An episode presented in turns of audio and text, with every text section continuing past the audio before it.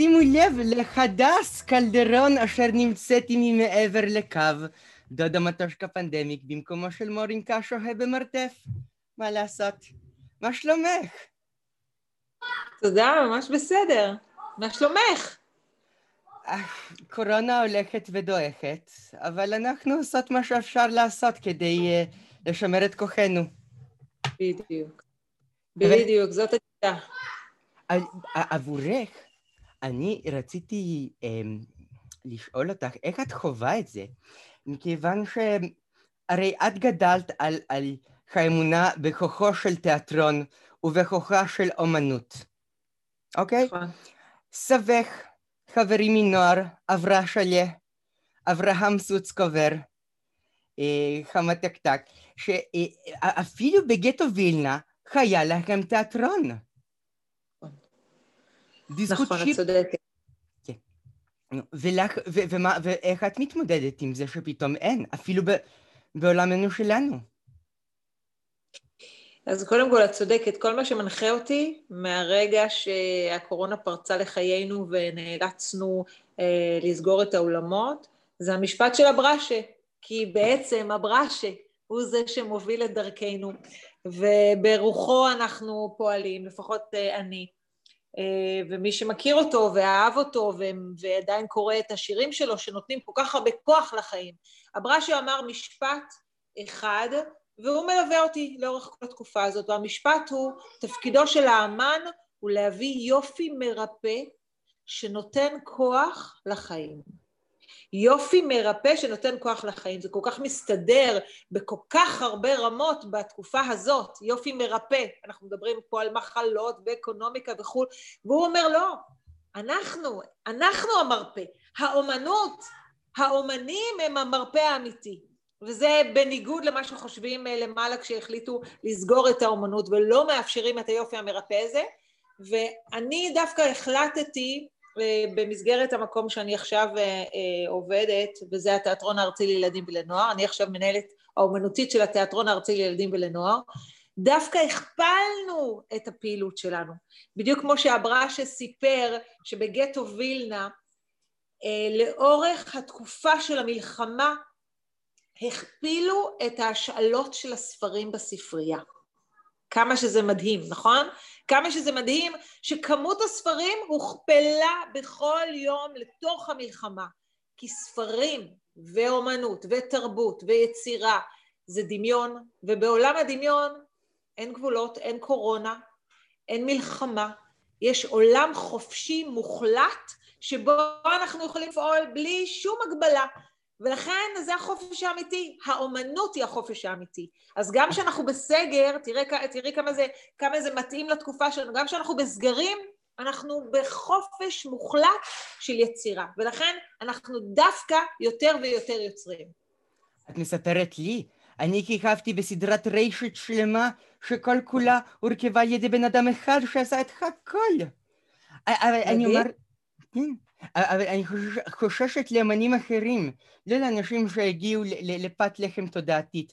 את יודעת, אמן הרי זה כמו צבעי שעומד על סולם מחזיק מברשת, לוקחים לו את הסולם, הוא נאחז במברשת.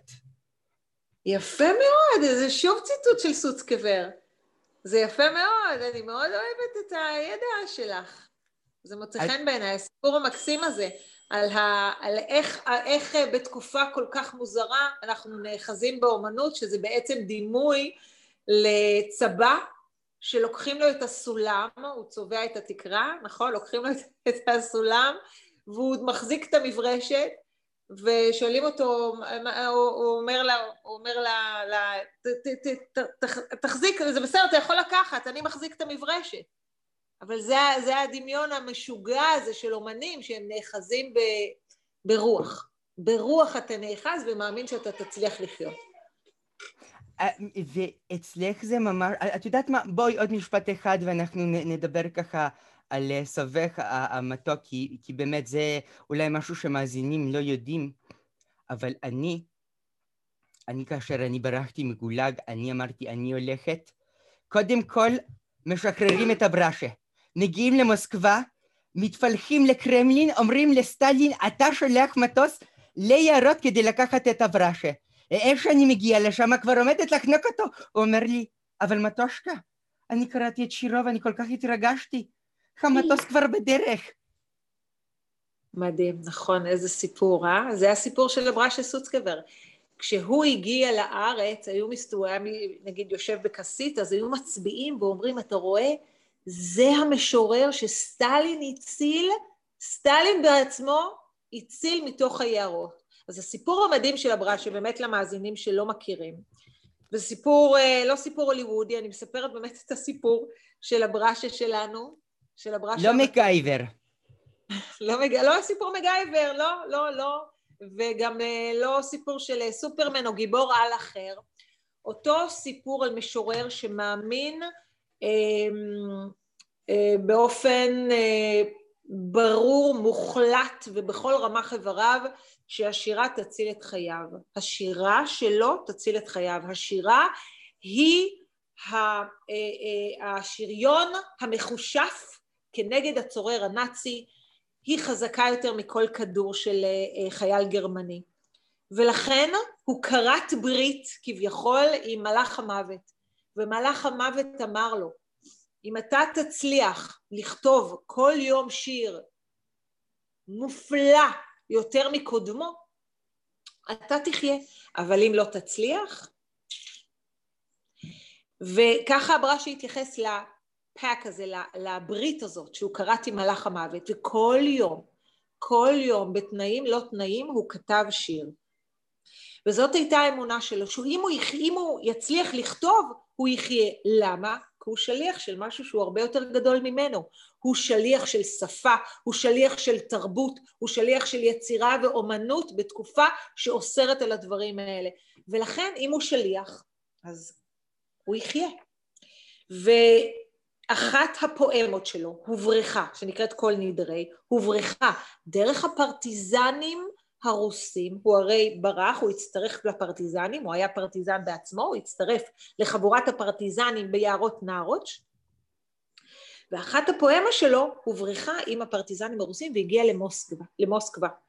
ושם, בדיוק כמו שסיפרת, ושם השמועה על המתרחש בתוך הגטו דרך הקריאה של הפואמה, הפואמה בעצם סיפרה את הזוועות המתרחשות בתוך הגטו, אף אחד לא ידע מה קורה בגטאות באותה תקופה, זה לא התקופה היום של האינטרנט ו- ו- ו- ושל הפייסבוק, אף אחד לא ידע, והפואמה הזאת הכתה גלים, עשו הקראה שלה, מאוד מכובדת, וזה הגיע עד אה, לסטלין, וסטלין לקח את הפואמה הזאת וקיבל החלטה לשלוח מטוס לתוך היערות, מטוס אחד הופל, מחלקי המטוס שהופל הרכיבו וריתחו הפרטיזנים מזוודה, שעד היום היא קיימת, מי שיעשה בגוגל המזוודה של סוצקבר, הספרייה הלאומית, הוא יראה אותה, היא עד היום נמצאת בספרייה הלאומית, זו מזוודה יפהפייה ומרגשת, אה, הם ריתחו מחלקי המטוס שהופל,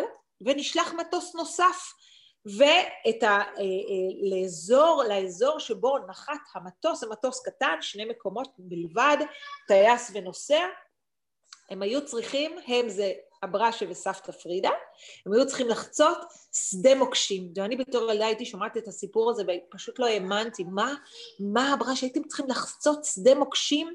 איך ידעת, איך לא פחדת, איך, איך ידעת איפה לדרוך? ואז אברשה אמר, אני הלכתי עם ריתמוס, ככה הוא קרא לזה, ריתמוס של שיר בתוך הראש, ולפי הריתמוס, הקצב של השיר, ככה קבעתי את צעדיי, וידעתי שהצעדים האלה הם יהיו בטוחים, כי השיר ליווה אותי. ואני הייתי ילדה ושאלתי אותו, מה, וסבתא, סבתא פרידה עברה איתך את כל הקילומטרים האלה בשדה המוקשים? הוא אמר, כן, אבל אז היא לא הייתה סבתא.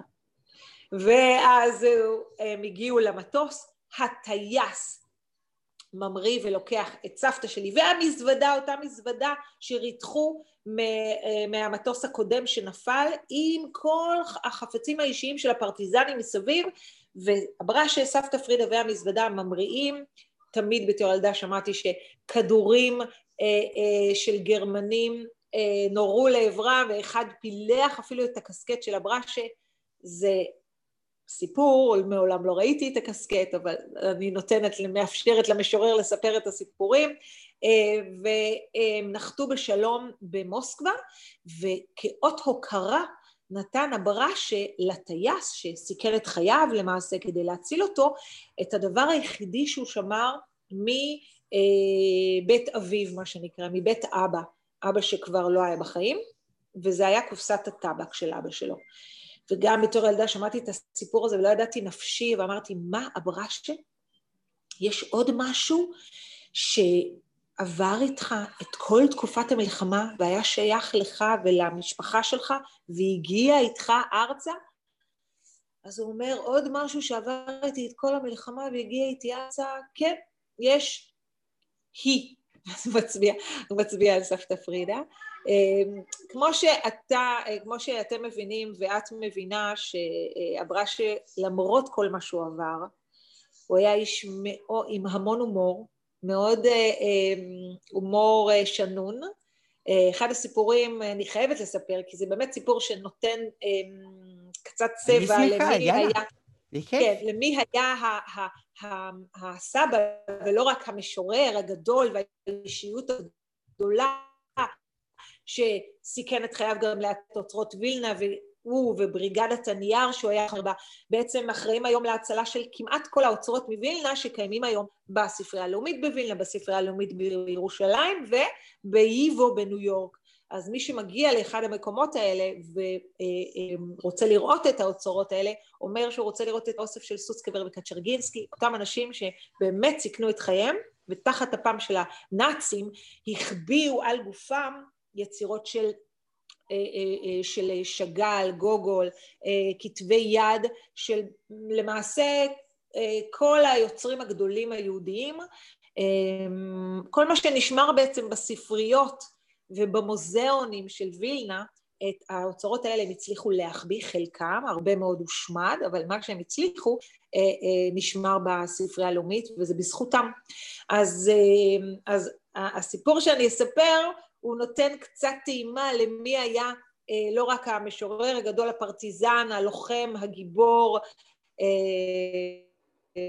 אה, וכו', אלא היה סבא שלי. נסעתי, אני גדלתי על הסיפורים האלה מבחמה, לא בגלל שהם רצו לספר, בגלל שאני יותר רציתי לשמוע, הייתי מאוד סקרנית, הייתי סקרנית, בטח לתקופה הזאת. והייתי יושבת ומראיינת את סבא וסבתא שלי, כל מה שהם יכלו לספר לי, אני ספגתי, ותמיד זה אף פעם לא היה סיפורי זוועה, תמיד סיפורי גבורה, בדיוק כמו שסיפרתי על, על החציית מוקשים והסיפור על, המש... על המטוס.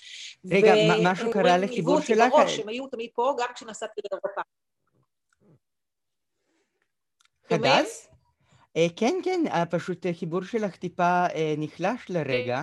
כן, שומעים אותי? עכשיו אנחנו שומעים אותך היטב. ירוד, ירוד, ירוד, חיבור ירוד. כן, אנחנו נחבר את זה. אוקיי, רגע, אז אנחנו היינו בשדה מוקשים, שיחקנו סטנגה, חיה פיצוץ, ומה הסיפור שלך לגבי סבך? הסיפור שבעצם נותן קצת צבע למי היה סבא סוצקבר ולא רק הבראשי המשורר, זה שיום אחד הגעתי לאירופה, ובגלל שאני ספוגת סיפורים, אז אירופה היא תמיד מביאה אותי שוב לתקופת המלחמה, ובמקום לחפש אה, ב-H&M בגדים, אני הולכת לחנויות אנטיקות, ואני מחפשת פריטים מהמלחמה, והגעתי באמת אה, לחנות ושאלתי את המוכר אם יש לו פריטים מתקופת המלחמה, והוא אמר כן יש, הוא עלה למעלה בעליית הגג, והוא ירד, ועל היד שלו, מה היה? טלאי צהוב ויקר מאוד. נכון, יפה. טלאי צהוב, יפה, נכון. היה על היד שלו טלאי צהוב ואני לא ידעתי נפשי, ופעם ראשונה שאני רואה טלאי צהוב, ופתאום כל הסיפורים מתחברים לי עם המציאות, אה, ושאלתי אותו כמה זה עולה, והוא אמר 200 דולר. לא קניתי. חזרתי חזרה לאברשה ואמרתי לו, אברשה, אתה לא מאמין, אני ראיתי בחנות אנטיקות בצ'כוסלובקיה, טלאי צהוב, והוא רצה על זה 200 דולר, ולא קניתי. והברשי מסתכל עליי, עם חצי חיוך, רגוע, ואומר לי, 200 דולר? את אומרת? מעניין, אני קיבלתי בחינם. זה סיפור שנותן דוגמה למי, למי זה האיש, למי, למי היה הברשה. תמיד שנון הרבה יותר מאיתנו, תמיד שנון ותמיד יודע איך אה, אה, לנעוץ את, ה, את, ה, את הבדיחה האחרונה, את השנינות האחרונה. אמ, אז, אז זה היה הברשה, שתבינו שהתקופה הזאת, אפילו כל מה שהוא עבר, אה. לא הפכה אותו לבן אדם אה, עצוב, כועס, אה, מדוכא, ההפך, רק יותר נחוש. נחוש ו, ואופטימי. אני אספר לך, ככה למאזינים למעשה, שלקריאה נוספת, כן. יש את הספר חרוזים שחורים, אה, שאני כן. מאוד ממליצה עליו, שכתב סבך, ויש את הסרט שאת הפקת, דבש שחור. ולמי שיש קונוטציות אה, בעייתיות, אז אה, הבאתי גם עגבונים.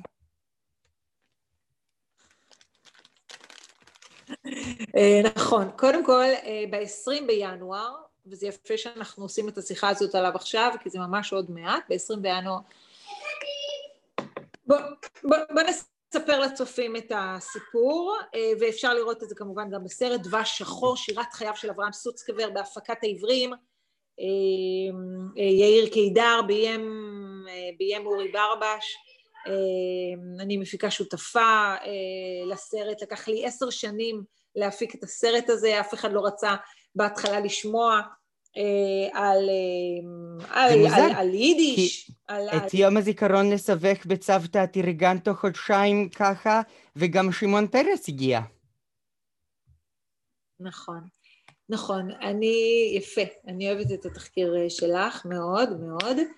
זה נכון, אחרי שלהלוויה שלו לא הגיע אף, לא הגיע אף נציגות ממלכתית, ואני שמעתי ב, בלונדון וקירשנבאום, עוד הייתה תוכנית כזו, אה, בלונדון וקירשנבאום את אה, לונדון, מקריא שיר של סוצקבר, ולא אה, זוכרת איזה שיר הוא הקריא, אבל אני זוכרת שהוא אמר, משורר גדול, חי כאן בישראל, אולי המשורר היהודי הגדול במאה העשרים, ואף נציגות ממלכתית לא באה לחלוק לו כבוד, ושם הטבע הג'ינג'י שלי חטף אה, קצת עצבים, ואני ביטלתי כל מה שהיה לי ואמרתי, אנחנו בשלושים לזכרו, נזמין את כולם, וכולם התייצבו.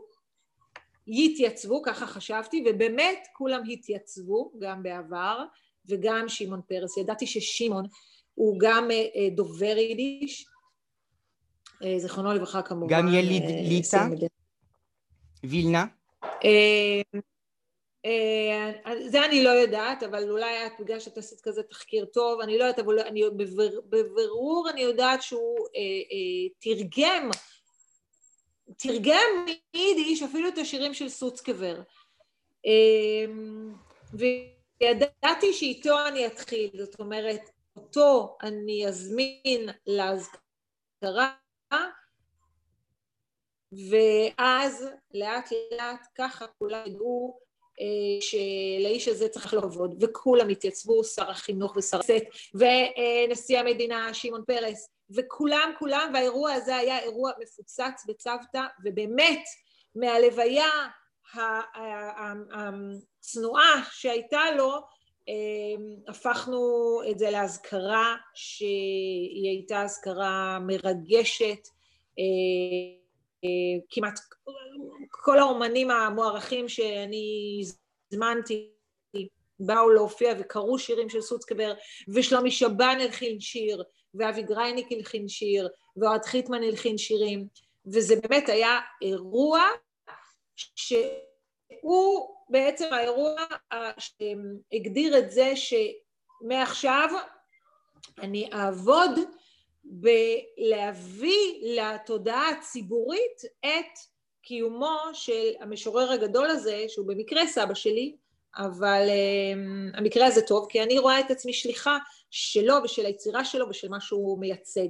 מייצג oh, oh. Uh, הבנה ברורה, הבנה ברורה שתרבות היא מעל, היא מעל החיים. תרבות היא נותנת חיים והיא מעל החיים.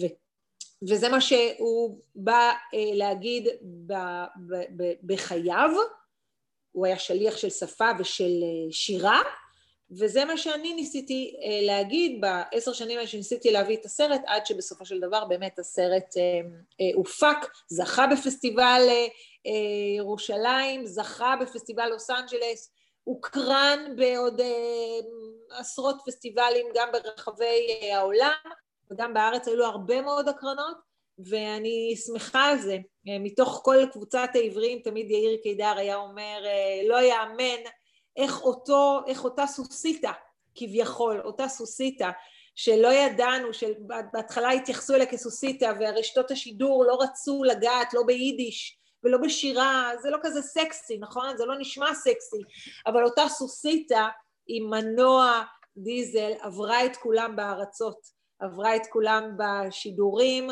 ובהזמנות, אה, אה, אה, בהזמנות להקרנות. וזה הניצחון הקטן שלי בתוך הדבר הזה. יפה. אז עכשיו בואי נדבר קצת על ניצחונות שלך. כי את בתיאטרון. אנחנו מדברים כל כך הרבה על סבך, ואני באמת רוצה להעביר, לעבור קצת אלייך. כי אוקיי. העשייה שלך אה, גם כן מאוד חשובה ומעניינת. את נכון. למעשה לראשונה זה... הגעת לתיאטרון כשהיית בת עשר. או, נכון, יפה, נכון. אה, למעשה, עוד שיחקתי עם שייקי אופיר, מי היה מאמין? אה. איזה עתיקה אני, איזה עתיקה. אה, אני בגיל עשר שיחקתי בתיאטרון הבימה, בהצגה המלך מתי הראשון, עם שייקי אופיר. בבימויו ו... של אורי פסטר? נכון. אה, זה ביוטיוב, אני חושבת. אני, אני מקווה. אוקיי. Okay. אני לא יודעת אם אני בצילום הזה, אז, אבל... אז, אז עם שייקי אופיר, איך זה היה לך?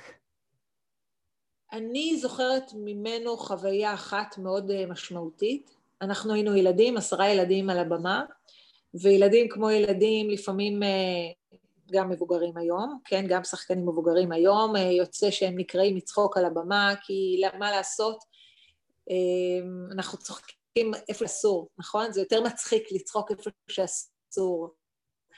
ואני זוכרת שנקראנו על הבמה, ואז הוא אסף אותנו אחרי ההצגה ברוך, ברוך, והוא אמר לנו, אה, אתם יודעים, התיאטרון הוא עולם של קסם.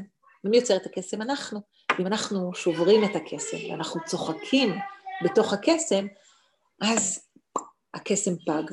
זה מה שאני זוכרת משייקי אופיר,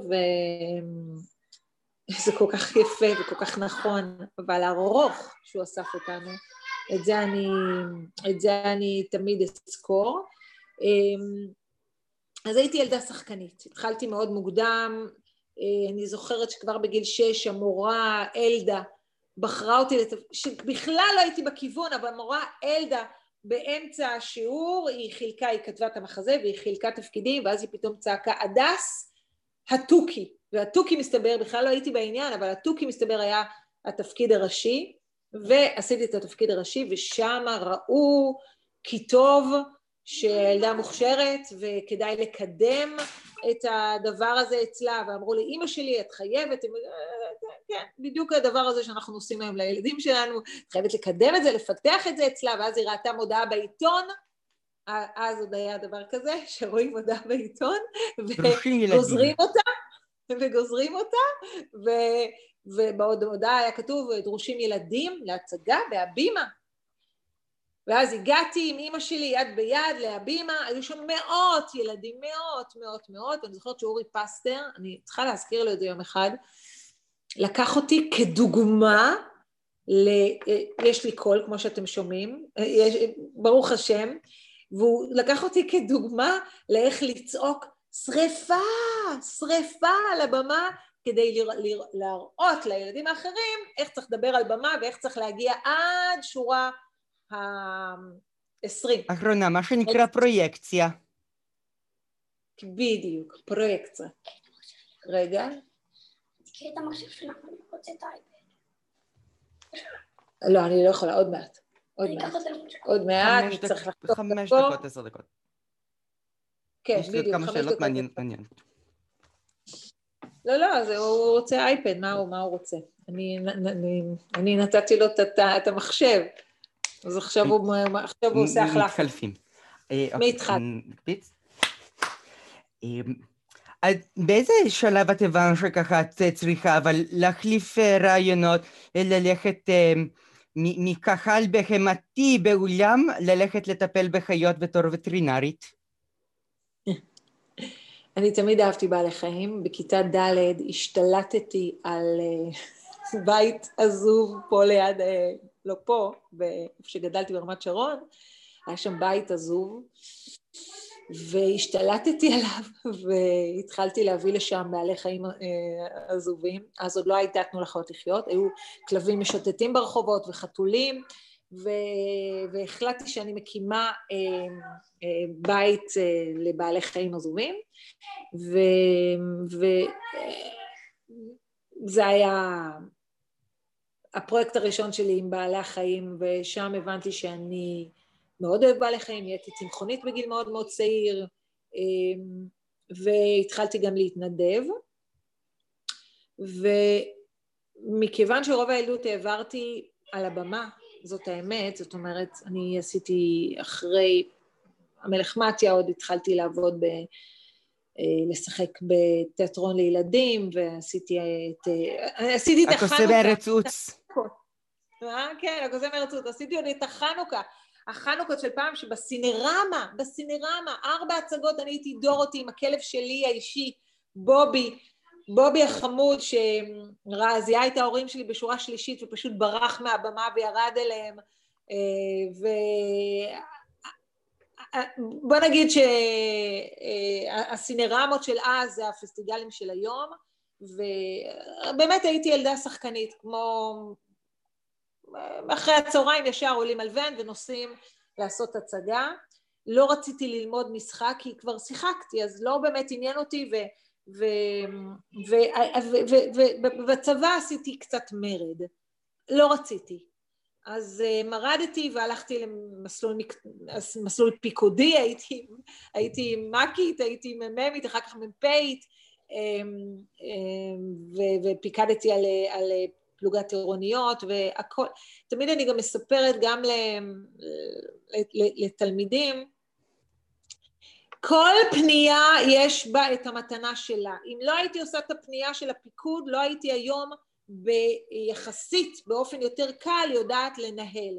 כי ניהול מצריך הבנה פיקודית, הבנה מערכתית, הבנה מערכתית, וזה משהו שעברתי בצבא. כשאתה בת עשרים ואת מוציאה פלוגה של טירוניות שלא יודעות להחזיק נשק למטווח, זו, זה דורש המון אחריות, וכבר שם, כבר מה שנקרא, נדרכתי לנושא הזה של אחריות, ואחריות פיקודית, ואחריות ניהולית, אז, אז כל מסלול, גם אם אתה חושב שלא התקבלת והלכת לזה והלכת לזה, זה ישרת אותך, אין לי ספק.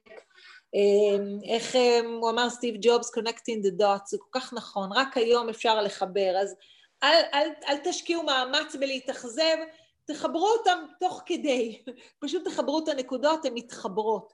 אז החיבור שלי היום לזה שאני מנהלת, יכולה לנהל ולהפיק, ושזה בטבע שלי, זה בגלל שאני פשוט עשיתי את זה כבר מגיל 19-20. אני נזרקתי למים, בצבא אתה נזרק למים ולא עם קופסאות שימורים, אלא עם, עם חיי אדם. אז זה דבר שקיבלתי וזאת מתנה שאני קיבלתי מהשירות שלי בצבא, ואחרי זה עשיתי מרד ולא רציתי לחזור למשחק, והלכתי ללמוד וטרינריה. ואז האירוע המחולל של, אותו, של, אותו, של אותה תקופה היה כשהגעתי, הרי בסופו של דבר כשאומרים חיידק זה באמת נכון, זה קיים שם, זה קיים, זה תמיד מבצבץ, זה תמיד מזכיר לך, ההיגיון אומר בוא נלמד איזשהו מקצוע, אבל החיידק, החיידק, היום אולי לא טוב להגיד חיידקים, זה קצת רומז לכל ה... לווירוסים שסובבים אותנו, אבל בוא נגיד התשוקה, התשוקה הזאת, התשוקה לבמה היא קיימת, היא הייתה קיימת בילדות וגם כשעשיתי מרד כנראה שהיא הייתה שם, היא, היא, היא, היא, היא חלק ממני. והתלבטתי, עם, למדתי למבחן, כי למדתי וטרינריה, אז מבחן ביולוגיה או משהו מאוד אחר. קשה. משהו קשה אחר, בדיוק, משהו בלתי אפשרי מבחינתי אחר, איזה פיזיקה או משהו, ואבא שלה היה דיקן אוניברסיטת חיפה, וניגשתי אליו ואמרתי לו, תשמע, אתה בחור רציני, אני שואלת אותך, אני מתייעץ איתך. אני באה ממשפחה של אומנים, אמא שלי ציירת, אבא שלי, אה, אה, אה, סבא שלי הוא אה, משורר, הוא הכיר את סבא שלי. אמרתי לו, תראה, יש לי כישרון, אני מוכשרת למשחק, זה גם משהו שמושך אותי, אבל ההיגיון אומר למצוא מקצוע, להיות, אה, להיות רציני, זה קשה, זה פה ושם. כל מה שאני מניחה שהצעירים מתלבטים. אה, אבל הוא תפס אותי ואמר, תשמעי, יש לי דוקטורט, יש לי פרופסורה, אני פרופסור, מלא תארים. את חושבת שאם הייתה לי מתנה, אם היה לי כישרון אומנותי, הייתי מוותר עליו? כך הוא שאל אותי. את חושבת שזה בר ויתור? את טועה. ואיך שהוא אמר לי את זה, וואו, בדרך חזרה מנתניה לתל אביב, כאילו ההחלטה, נפלה ההחלטה, ממש, כמו שאומרים, אבן נגולה מליבי ונופלת ההחלטה, אתה כבר לא בא על הגדר ובהתלבטות. לא הייתי בהתלבטות יותר, החלטתי שמי הפקולטה למדעים, אני עוברת לפקולטה לאומנות, חזרה קודם כל לחזור לבית. אחר כך נחשוב... והלכת לניסן נתיב. תגידי, עם, עם, ניס... אה, עם הקאסט של ניסן נתיב, אתן הגעתם לפריז? כן, כן, עם הצגה שנקראת ג'אשה פנילה דה קיזה, הצגה בג'יברי של נועה רבן ביימה, ורעיון מקסים, והגענו לפריז, ושם הצטלמנו, שם הצטלמנו, ומי שמגיע לניסן יראה את הצילום שלנו במזרונות של ניסן נתיב, ליד האייפל. אנחנו היחידים שהצטלמנו שם באייפל. אך, זה, זה באמת אה, נהדר. איי, כמה פעמים שאני הייתי צריכה לקחת את מורינקה מניסן נתיב אחרי אודישן, שהוא כולו בוכה, שורט את עצמו, אך. היה אפשר להסתכל על תמונה תוך כדי. את אה, במשך הזמן בתיאטרון, את התגלגלת. אמ, את היית עם אה, בת חן סבק, ממטומטמת, הרבה לפני שהיא הייתה מטומטמת. היא הייתה עם נכון. שיער שחור במחזה ברנז'ה. נכון, אני באמת שיחקתי עם uh, בת חן, היא הייתה שחקנית צעירה, אני כבר הייתי הרבה שנים בבית לסין יחסית, um, אז כמובן אחרי ניסן נתיב עברתי ל... הייתי יצרינה ירושלמי, ואחרי זה רק הגעתי ל... בואי נתחיל ל- מזה שהיית אחות במשחק החיים. אחר כך התחילה. נכון, גם זה, ובלחיי האהבה, והיו היו עוד הרבה- בדרך. כן, אבל הגעת לתיאטרון, שחית במקווה על במה, ואחר כך, כן. הייתי בבית לסין כמעט 17 שנה, ושיחקתי עם מה? בת חן אה, טבק וששון גבאי וליאור אשכנזי, והיו לי חוויות מדהימות. אוקיי, ועם בת חן, אה, איך זה באמת היה שנים לפני שהיא פרצה לתודעה? היא הייתה אז ילדה... ובכן זה היה, זה היה ברור שיש פה משהו מאוד מיוחד, קונפליקט בין מראה של ילדה תמימה, ילדה תמימה, נאיבית, מראה כמראה, אבל כשהיא מביעה רצון וכשהיא פותחת את הפה, יוצא משהו אחר לגמרי, וזה הדבר המעניין, וזה הכוח של בתן, בת חן, וגם זה, על זה היא עשתה את הסדרה. וזה הכוח שלה, וזה באמת מה שמושך, גם בסדרה וגם בבת חן עצמה. אני, כן. אני רק אסכם ואגיד כן. למסלול, שבאמת הייתי שחקנית הרבה מאוד שנים, אני עדיין, במובן מסוים, אבל עזבתי את התיאטרון, עזבתי למעשה את המשחק על הבמה, והתחלתי לכתוב, וזה בעקבות הלידה של הילדים שלי, התחלתי לכתוב מחזות.